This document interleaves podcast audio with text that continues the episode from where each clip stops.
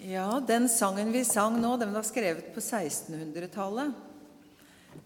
Og Da jeg oppdaga den, så syns jeg det var sånn sterkt vitnesbyrd å se at eh, om det var på Jesu tid, eller om det var på 1600-tallet, eller om det var eh, nå i 2023, så er den livserfaringen vi mennesker har, ganske lik. Og Vårt behov for bønn og våre bønnerop kan også være ganske likt på en sånn 2000-årig tidsperspektiv. Ehm, og Jeg tenkte at kanskje denne kananeiske kvinnen kunne gått hjem og skrevet den salmen som vi sang nå. For det var hennes erfaring også av bønn og bønnens kamp og livets smerte.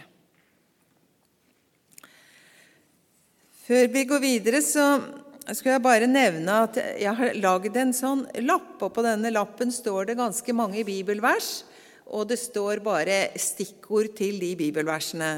Så når dere går ut, så kan alle som vil, få med seg en sånn lapp hjem, hvor du kanskje kan ta litt mer tid til å gå inn i noen av disse tekstene. Fordi vi kommer til å vandre litt imellom dem, men det blir liksom altfor mye å huske, så det er ikke sikkert vi bruker bibelhenvisninger på alt. Men eh, det kan du få lov å gå videre på sjøl senere. Da skulle vi ha ett bilde på veggen. Når det bildet kommer på veggen, så tenker jeg at det er noen som blir inspirert. Og så er det andre som får gåsehud og, og tenker med gru tilbake på skoledager og det som ble kalt for ligninger. Eh, hva er det med ligninger som gjør at eh, en del av oss eh, opplever at vi, vi får noen sperrer, eller vi gruer oss? Jo, det er den ukjente. Den ukjente som er på plass i dette systemet, og som vi skal prøve å finne ut av, det er den som skaper problemet. Det er den som gjør det vanskelig. Det er den som gjør at en del skoleelever får litt hetta når de ser en ligning. Og så tenkte jeg at eh, sånn er det kanskje litt i, i livet vårt ellers også. Hvor mye tåler vi av det ukjente? Hvor mye tåler vi å leve med det vi ikke kan få grep om? I en ligning så var jo målet å ende opp med et svar og to skikkelige streker under, og gjerne få R når det skulle rettes. Da er du i mål, da har du forstått hva som foregår, og du har funnet en løsning. Og For noen så går det an å gjøre da, på papiret. Men når det gjelder livet, så er det fryktelig vanskelig. Så hvis vi bruker samme tilnærmingsmåte på livet som vi gjør på matematikken, så vil vi komme veldig til kort.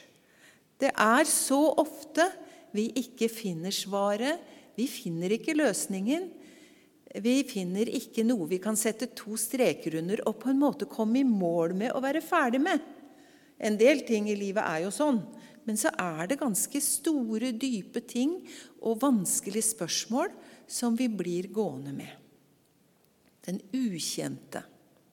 Nå tror jeg vi tar det bildet vekk, for ellers er det sikkert noen her som blir sittende og løser ligning istedenfor å fortsette. um, Når vi skal forholde oss til Gud, så vet vi jo, fordi vi har lært det, at Gud er så mye større enn oss, så mye større enn vår forstand. Eh, hvis vi skal prøve å forstå Gud, så vet vi at vi kommer veldig til kort. Men likevel så er det ofte vi ikke blir ferdig med det, fordi vi sliter med spørsmål, med smerte, med lidelse, og vi ville så gjerne forstå mer, og vi kunne kanskje ønske at Gud hadde gitt oss noen klarere svar, for da hadde vi liksom hatt bedre grep om ting. Og teksten i dag tror jeg er en sånn tekst som lar oss bli hengende litt mellom det vi ikke kan forstå, det som er Guds mysterie, og som han faktisk ikke deler med oss, og eh, livets realiteter, og hvordan vi skal få lov til å forholde oss til Gud og være nær Gud, eh, selv når vi ikke forstår og når vi sliter hardt. Vi skal være sammen med en kvinne som opplever noe av det verste foreldre kan oppleve, og det er når det skjer noe veldig vondt og smertefullt med barna. Da er det akkurat som våre hjerter knuses også. Og vi vet ikke vår arme råd. Det er nesten verre når barna har det vondt, enn når vi sjøl har smerter å bære. Eh, og denne kvinnen har det, og hun vet at hun hører ikke med i noe troens fellesskap. Hun er ikke vant til å henvende seg til Gud med det som skjer i livet. Hun er eh, en som er på sidelinja, men hun må ha hørt noe. Hun må ha hørt at det fins en som heter Jesus, som ikke er i hennes trakter, egentlig. Men så har hun sikkert hørt litt mer også om at, at han er Jesus, han er Davids sønn. Det er noen her i naboområdene mine som tror på han og hans Gud. Og, og han, han, kan tydeligvis gjøre noe som andre mennesker overhodet ikke kan få til. Så det er noe i henne som blir veldig grepet når hun hører rykte om at han dukker opp i hennes nærhet. Så da leser vi teksten og fortellingen slik den står i Matteus 15, 21. Så dro Jesus derfra, altså der han hadde vært i Galilea, og tok veien til områdene omkring Tyros og Sidon, som i dag er Libanon-området. Der var det en kanoneisk kvinne i disse traktene som kom og ropte, 'Herre, du Davids sønn, ha barmhjertighet med meg.' 'Datteren min blir hardt plaget av en ond ånd.' Men han svarte ikke et ord. Hun må kanskje ha gått etter dem på veien, ser jeg for meg, og ropt. Ikke én gang, men kanskje flere. For disiplene blir irritert. Ehm, og det tyder på at de orker ikke mer av dette maset.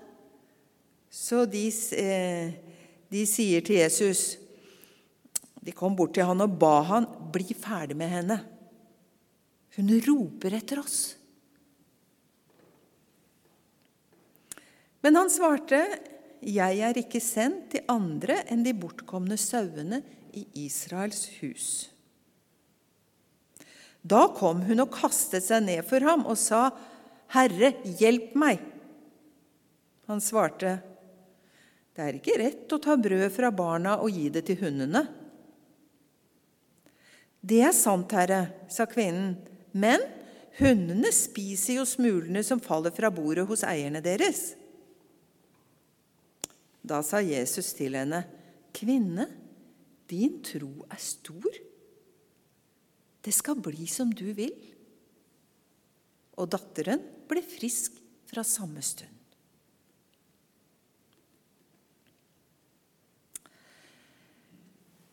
Her kommer altså denne kvinnen og har en forferdelig smerte hun bærer på.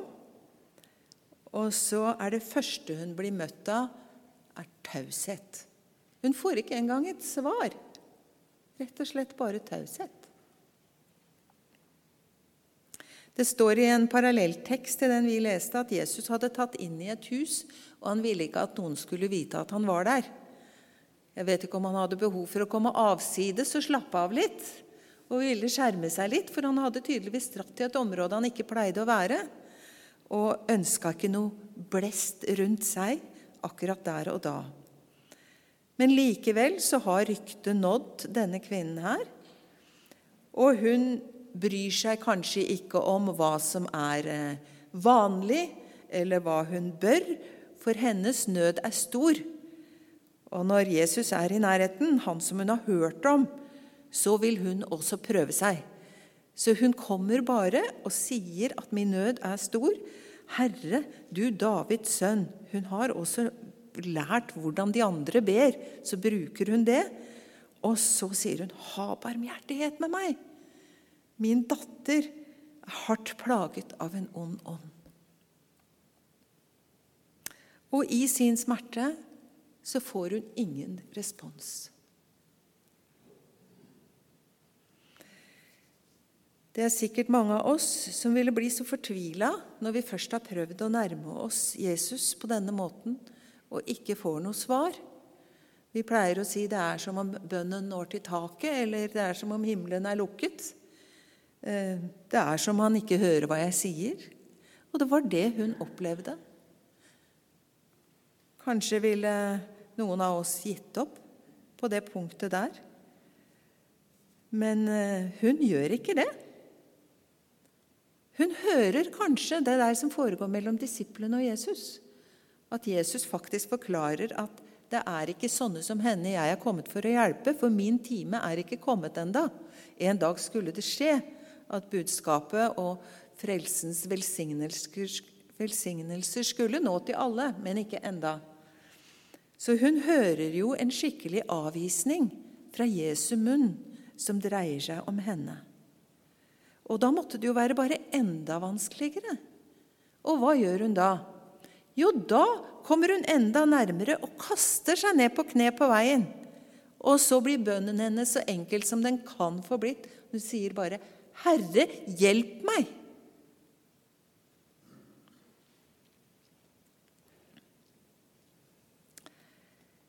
Da får hun ikke taushet, men da får hun en skikkelig avvisning. Da sier Jesus at eh, det er ikke riktig å ta brød fra barna og gi det til hundene. Så han sammenligner nesten denne kvinnen med en hund og sier noe ganske tøft. Det er ikke riktig at jeg skal hjelpe deg, for det er de andre jeg nå skal hjelpe først. Og Hadde jeg fått høre det, så hadde jeg tuslet bort som en hund med halen mellom beina. Jeg hadde ikke klart å ta det. Men hva gjør hun? Hun begynner å argumentere med Jesus. Hun begynner å argumentere med Gud. Så hun, hun, sier ikke bare 'ja, da må det være som du sier, og som du vil', men hun sier 'men hundene spiser jo smulene som faller fra bordet hos eierne deres'. Så Jesus slipper liksom ikke unna, for hun er på med en gang og fortsetter å argumentere. Og så ender det med Jeg holdt på å si at Jesus måtte gi seg. Det er ikke sånne ord vi er vant til å bruke om han, fordi han er opphøyd og stor. Men han er også så menneskelig og så nær, og er i en, en dialog og et samspill med oss som helt alminnelige mennesker. Og jeg skulle likt å sett blikket og hørt tonefallet når han sier, 'Kvinne, din tro er stor'. Og så ender han med, 'Det skjer som du vil'. Altså, det skal bli som du vil. Gud sier til en kvinne som er utafor, og som har det fryktelig, 'Det skal bli som du vil'. Når vi leser en sånn fortelling som dette her, og får et sånn bilde og et forbilde til hvordan bønn kan arte seg, så lurer jeg litt på er det sånn at vi er blitt for forsiktige med å be? Er vi blitt for fromme? Dette sier jeg litt forsiktig, da, for det er ikke noe sånn galt å be sånn og riktig å be sånn. Men, men, er vi blitt litt for fromme? Det skal være litt forsiktig og, og respektfullt, og, og det får bli som Gud vil. Amen på en måte. Jeg sier ikke at det er galt å be sånn. Det er helt riktig å be sånn. Men det er kanskje ikke eneste form for bønn. Fordi Bibelen sier noe om at det ropes og skrikes. Til og med om Jesus i hebreerbrevet så står det at han, han bønnfalt med høye skrik. Fordi den smerten han var i, var uutholdelig. Og I Det gamle testamentet er det også ofte ofte vi finner at de roper til Gud. Så det ser ut som Gud også gir oss et bønnespråk som er adekvat for det vi bærer på i livet. Er smerten stor nok, så er vi ikke der at vi sier Kan du forandre det, så ville det vært godt. Amen. Da kan det hende vi har behov for å rope, mase, eh, klage Og Gud åpner opp for det. Ellers hadde ikke denne fortellingen heller stått der. Vi skal komme litt mer tilbake til må, måten å be intenst på. Altså at vi har lov til det, og hvordan det kan arte seg. Eh, men først så stopper vi litt med den første biten. Det er jo tre biter i denne fortellingen, og den første biten var at Jesus var taus. Og jeg tenker Kanskje vi kunne hatt en liten overskrift som heter 'Jesus er sen'. For det står nemlig flere ganger at Jesus er sen med å svare. Han er ikke sånn at svaret kommer med en gang. Eh, alltid. Noen ganger ser vi jo at eh, under og store ting skjer på øyeblikket. Men, men noen ganger, som det virkelig står på, så er han også sen. Blant annet da Lasarus var død, så får han jo beskjed om at Lasarus er syk. Men da står det da ventet han enda to dager før han gikk. Og når han kommer, så er jo Lasarus allerede død. Og da, når de treffes, har han jo ligget fire dager i graven. Så Jesus hadde tatt seg god tid. Og han får også en anklage fra Maria. For når de møtes, så sier hun i Johannes 11.: Hadde du vært her, så var ikke min bror død. Underforstått, men du var sent ute. Og hvorfor drøyde du sånn? Det samme skjer når, når, Jesus sender disiplene over i båten etter at han hadde eh, foretatt brødundre. Da er det tøft vær ute på Genesaretsjøen. Jesus er oppe i fjellet og ber, og så står det at Jesus ser dem der ute i bølgekavet. Og han ser at de sliter hardt. Og dette er sent på kvelden. Når de har lagt ut da, så følger han med dem og ser dem, og så venter han til fjerde nattevakt, når det snart er morgen, før han går til dem og hjelper dem. Og Han venta også en annen gang de var på sjøen. Da hadde han sovna. Da lå han vel på en taukveil og sov, og bølgene går høyt. Og disse erfarne sjøfolka, fiskerne, de, eh, det høres ut som de er fullt klar over at dette går galt. Vi kommer til å gå under. Vi kommer til å miste livet nå. For når de går til Jesus og vekker han, så, så sier den ene disippelen eh, Bryr du deg ikke om at vi går under? Altså underforstått vi går under, men bryr ikke du deg om det? Og da hadde heller ikke Jesus reagert. Han lå og sov. Disiplene var livredde, og de kjempa. Men han var ikke til stede umiddelbart med sin kraft og sin makt. Og I Det gamle testamentet særlig, kanskje flere steder i det nye også, så er, går det igjen dette uttrykket med 'vent på Herren'. Vent på Herren. Det at det ikke skjer noe, det at han er taus, han er liksom borte for oss på en måte, det betyr ikke at han ikke hører. Det betyr ikke at han ikke bryr seg. For ofte kan vel vi begynne å slite litt med disse spørsmålene. Hvorfor svarer han ikke, så jeg skjønner det. Bryr han seg ikke? Er det jeg som ikke ber riktig? Er det jeg som er for dårlig troende til at han skal svare meg? Altså, Vi kan få så mange tanker når vi sliter i denne troskampen vår av å legge fram vår nød og ikke få respons.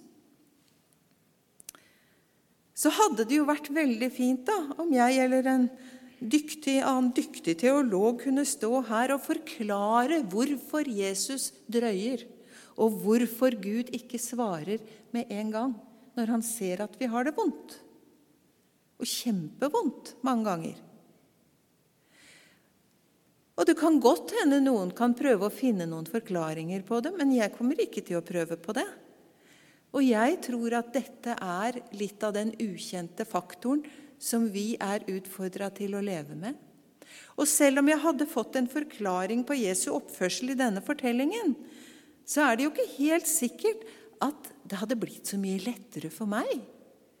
Fordi poenget for meg er jo at han kanskje drøyer med å svare i det hele tatt, eller jeg føler at han avviser meg og ikke er interessert i å møte meg og gi meg en hjelpende hånd.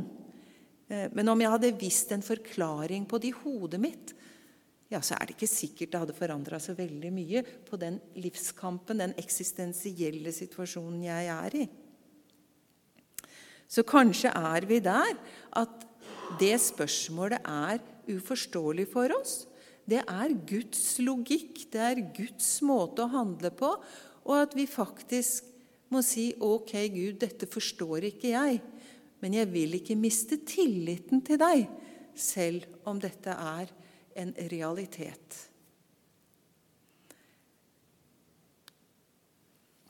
Når Jesus snakker om at vi skal be, så har vi jo dette kjente ordet som sikkert alle kan utenat.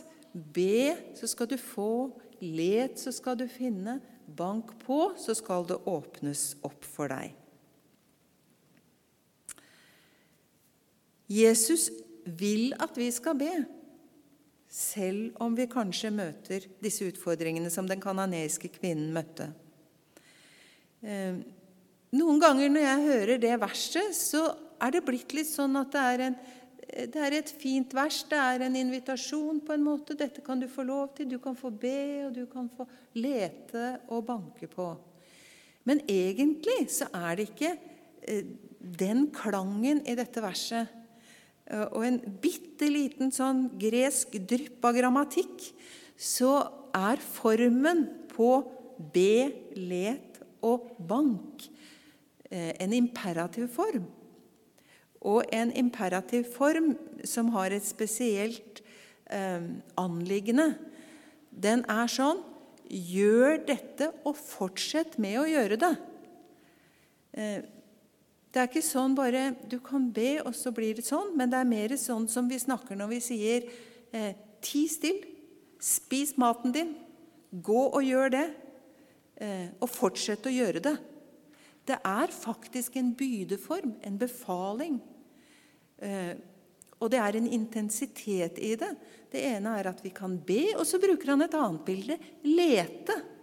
Og å lete er ikke fort gjort. I hvert fall merker man det når man kommer i en viss alder. At å lete er ikke fort gjort. Det er noe vi holder på med hele tiden. Og vi husker jo ikke hvor vi har lagt ting, så leting kan være noe litt slitsomt, og det kan ta tid. Så han sier be, og så sier han let. Og så hold på og let.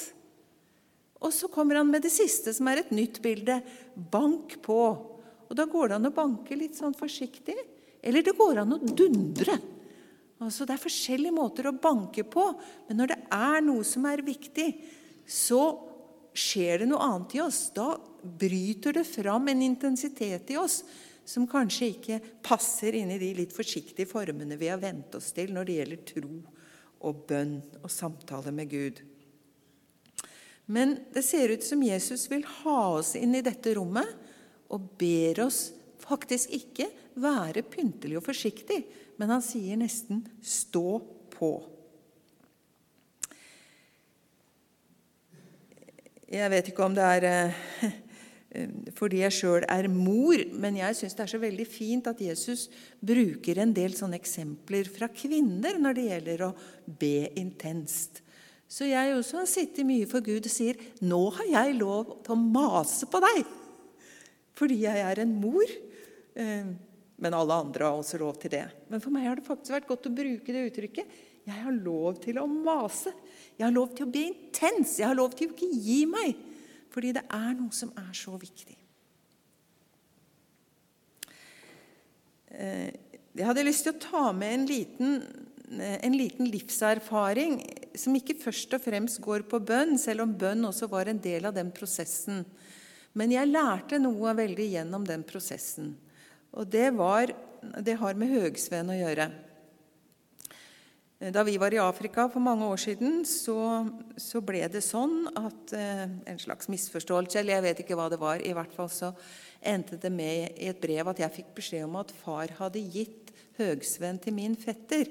Men jeg er enebarn, og jeg hadde odel, så det var litt merkelig, det som skjedde. Og det var en forferdelig krise for meg. For jeg, det er jo gjerne sånn at eh, bekreftelser på kjærlighet er knytta til eh, konkrete ting for oss ofte. Så eh, for far å, si, å, gi det til fetteren min er nesten som å si 'jeg bryr meg ikke om deg'. Jeg, jeg veit ikke om jeg er så glad i deg at jeg vil at du skal ta over dette her. Eller jeg har ikke tillit til at du klarer å ta over dette her. Eller hva det nå var som foregikk i hans hode, det vet ikke jeg. Men jeg mista jo dette stedet og syns det var en veldig avvisning. Og det var smertefullt i lange tider. Eh, så kom vi til Norge igjen, og fetteren min overtok jo der oppe. Og vi skulle tømme alt, og der var det enormt med mye som skulle tømmes. Og en gang vi hadde hatt med noen venner fra Tønsberg til å hjelpe oss å tømme, så dro vi ned til Tønsberg gjennom kvelden. Etter vi hadde spist, ville jeg bare åpne Bibelen for å se om det var et ord vi kunne dele før vi gikk fra hverandre. Og nå husker jeg det ikke helt ordrett. Jeg har sjekka det etterpå og sett at det var litt annerledes, men jeg, jeg sier det sånn jeg husker det. Eh, for det var sånn det traff meg. Det øynene mine ser når jeg åpner Bibelen, er Datter, glem din far og din fars hus. Og jeg sa I all verden står dette i Bibelen? Og vi delte det sammen, og det ble jo en veldig tydelig beskjed om at her skulle jeg gi slipp. Eh, for noen kan det kanskje være interessant at jeg tar med en liten detalj til på den historien. Det var da vi var i Afrika. Så husker jo noen her Erik Bergan. Eh, for dere som ikke husker den mannen, så var han en eldre mann, hadde vært alkoholiker, og han var luthersk pinsevenn, kalte vi han. Eh, og han hadde en spesiell omsorg for meg, så han drev og ringte en gang imellom til Afrika. Og da hadde han alltid et ord til meg. Den gangen den jeg skal fortelle om nå, da ringte, jeg, ringte, han, og jeg satt og skrev det mest rasende brevet til min far jeg noen gang hadde skrevet. Midt i det ringer han. Og så prater han mens jeg er ganske taus. Så spør jeg til slutt har du et ord til meg i dag, da? Å ja da, sa han. Og han bladde opp det han skulle lese for meg den dagen, og det var 'Kast ditt gull og sølv i elven, og så skal du få se noe av Herrens velsignelse eller omsorg'. Og Da syns jeg det var en klar beskjed også gjennom han at jeg skulle gi slipp. Så jeg kasta det sinte brevet og skrev et som var noenlunde mer leselig etterpå. Så det var Erik Bergan, og så var det det bibelverset med å glemme. Men så skjer det jo mer tragisk. Min fetter dør plutselig. Eh, og han var jo bare 31 år. Og så er det dette med dette stedet igjen, da. Jeg hadde fortsatt odel på det, men den familien som var gjenlevende da, eh, var ikke interessert i å legge to pinner i kors for at jeg skulle få dette tilbake. Så det ble også en lidelseshistorie for meg. Heldigvis var Ulf mye tøffere og sterkere. Men, men jeg gikk til bånns gang på gang på gang eh, fordi dette var så på en måte, Jeg følte det veldig hjerteløst da. Så hvis man skal se på denne historien, Den endte jo med at vi fikk takst på dette og kjøpte det. da. Så vi kjøpte min arv til slutt. Eh, men her var det altså tre store etapper i dette her som var liksom nei, nei, nei. Du skal ikke, du skal ikke, du skal ikke. Du skal slippe, du skal glemme. Eh, du skal slutte å tenke på det. Og jeg holdt på å si du skal slutte å mase om dette her. Så er vi kanskje vant til flere enn meg som har hørt det der at når Gud åpner en dør, da går vi den veien. Og stenger Gud døren, så skal vi gå en annen vei. Men det jeg lærte, var at jeg skal ikke gi meg selv om veien er ganske stengt. Veldig stengt. For når den til slutt ble vårt, så var det akkurat som alle dører slo seg opp på vid vegg. Nå har vi hatt det i over 20 år, og vi har, har eh, holdt på med retreat og sjelesorgsarbeid i 12 år. Eh, og fra de dørene åpna seg da, så har det vært som en strøm av velsignelse som vi får lov å stå i. Som vi bare undrer oss over. Og hvordan mennesker kommer og blir hjulpet og får lov å være i Guds nærhet. Ehm, dette skjedde selv om det var nei, nei, nei. Vent, vent, vent. Eh, så kanskje vi jeg har i hvert fall lært at det er ikke så lettvint med en gang vi opplever et nei, så skal vi bare gi oss.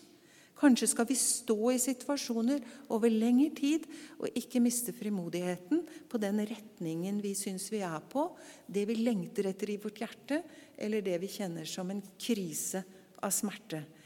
Stå i det og fortsett å be. Vi hørte teksten som ble lest i stad, hvor, hvor Jakob, en sånn usling som Jakob hadde vært gjennom sitt liv, står og holder i Gud og sier 'Jeg slipper deg ikke'. Det er jo nesten frekt.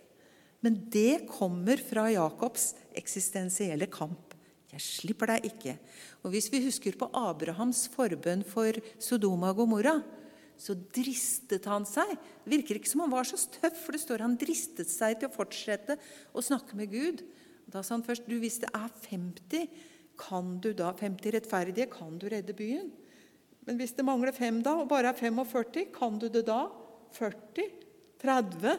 Og så fortsatte han og i dialogen med Gud til det ble ti, og fikk Guds løfte på at han skulle eh, skjerme byen hvis han fant ti rettferdige. I Jesaja 62 står det et annet ord som også tilskynder til ikke å gi seg. Det står 'dere som påkaller Herren, unn dere ingen ro'. Eh, jeg tror jeg en gang leste en oversettelse som var som 'Dere som minner Herren om Hans løfter, unn dere ingen ro'.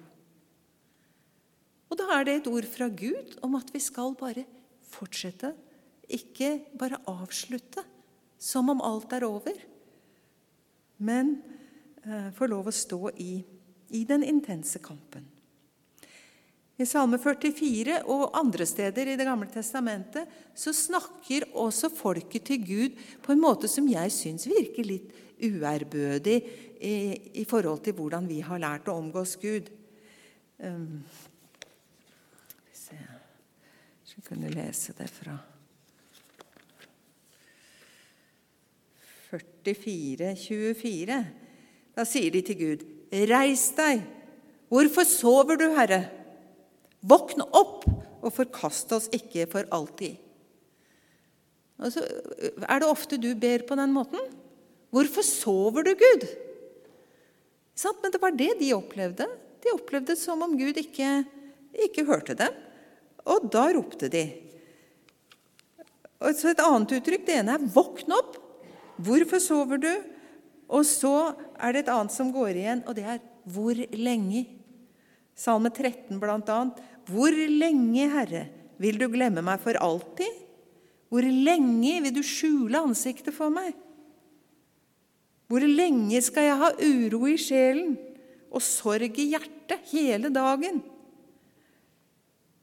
Hvor lenge skal fiendene ha makt over meg? Se meg, svar meg, Herre min Gud, gi mine øyne lys, så jeg ikke sovner inn i døden. Og så avslutter salmen til slutt men jeg setter min lit til din miskunn, og mitt hjerte skal juble over din frelse. Jeg vil synge for Herren, for Han har gjort godt mot meg. Så det er et veldig spenn mellom kampen, fortvilelsen i bønnen, og allikevel lovsangen som pipler fram fordi tilliten til Gud ikke er borte, selv om det virker som han er litt fjern.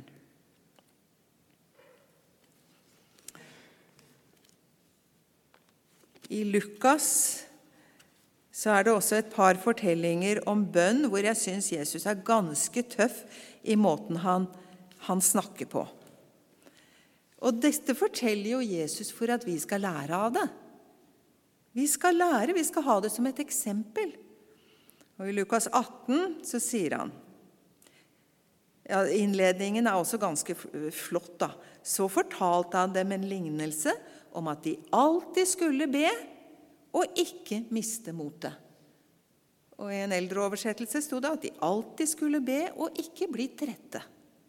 Så han forteller lignelsen for å oppmuntre oss og tilskynde oss og fortsette i bønn. I en by var det en dommer som ikke fryktet Gud og ikke tok hensyn til noe menneske.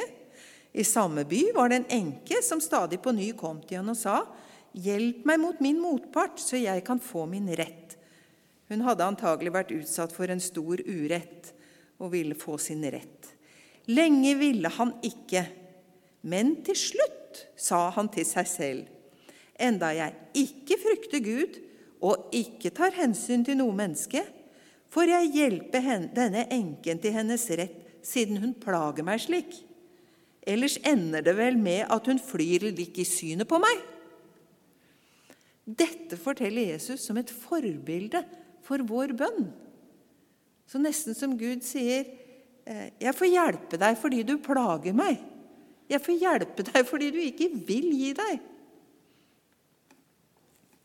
Han har en annen fortelling også eh, i Lukas. Det var Lukas 11, 5.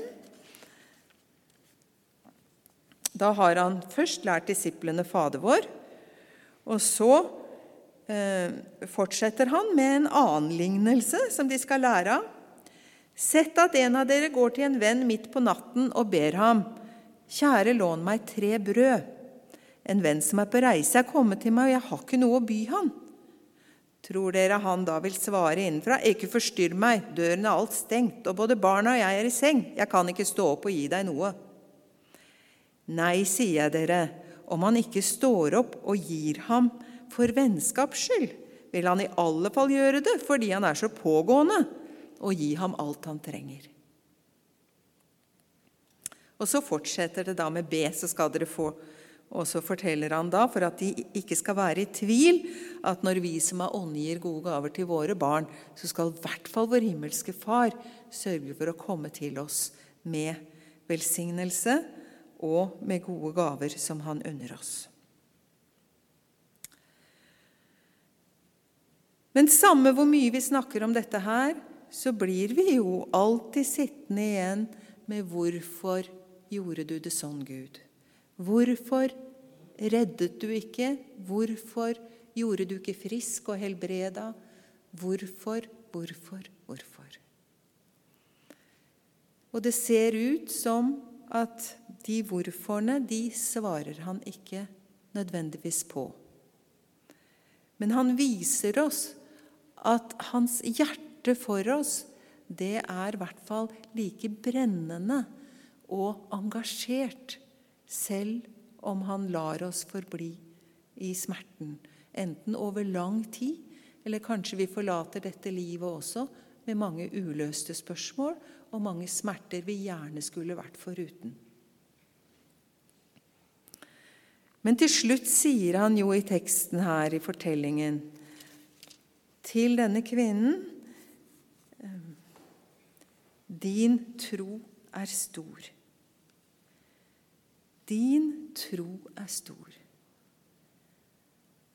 Jeg vet ikke hvor mange av oss som ville reist oss opp her og sagt 'Min tro er stor'. Er det ikke sånn at vi veldig ofte føler at 'min tro er ikke så stor'? og den er ikke så sterk, og den holder kanskje ikke så godt ut i motgang og uforklarligheter.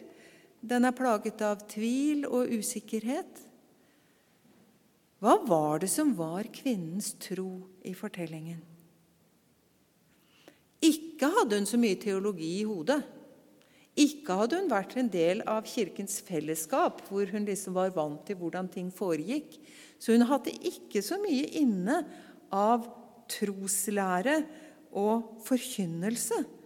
Hun var ganske blank. Men hva er da troen, hvis det ikke er å favne alt dette vi har lært om den rette tro på Gud og livet med Han? Det ser faktisk ut som troen, både her og i enkelte andre fortellinger, eh, er å kaste seg på Jesus slik livet er, med alt det en bærer, og alt det en står i, og velge tilliten til Han. Og at det er troen. For det var jo bare det hun gjorde. Hun løp etter han, hun kasta seg ned for han, hun argumenterte med han. Hun forble, akkurat som Jakob, 'Jeg slipper deg ikke før du velsigner meg'. Dette er tro. Tro er ikke å være flink i hodet sitt. Tro er ikke å være veldig from, bare det er en del av det. Men eh, tro er heller ikke hvordan vi ser ut, og hvordan vi takler ting på utsiden mange ganger. Eh, særlig i et sånt kirkens fellesskap.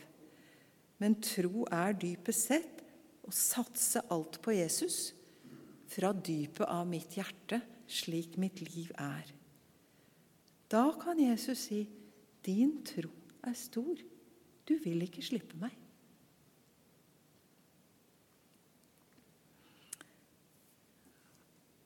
Og så er det noe med at, eh, som vi hørte litt fra Jakob, og som også Peter sier i sitt første brev, 1. Peter 1,6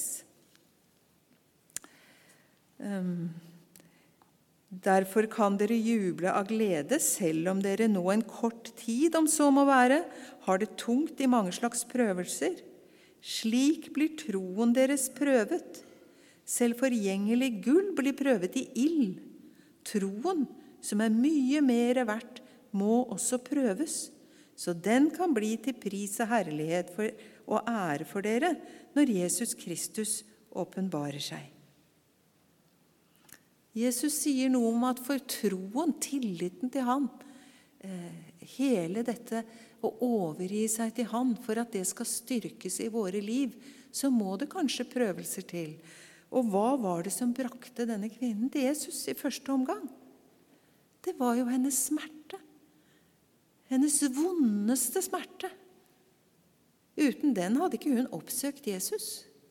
Så det var en sammenheng mellom eh, livssmerten og hennes tro. Livssmerten og hennes bønn. Livssmerten og hennes overgivelse til Jesus.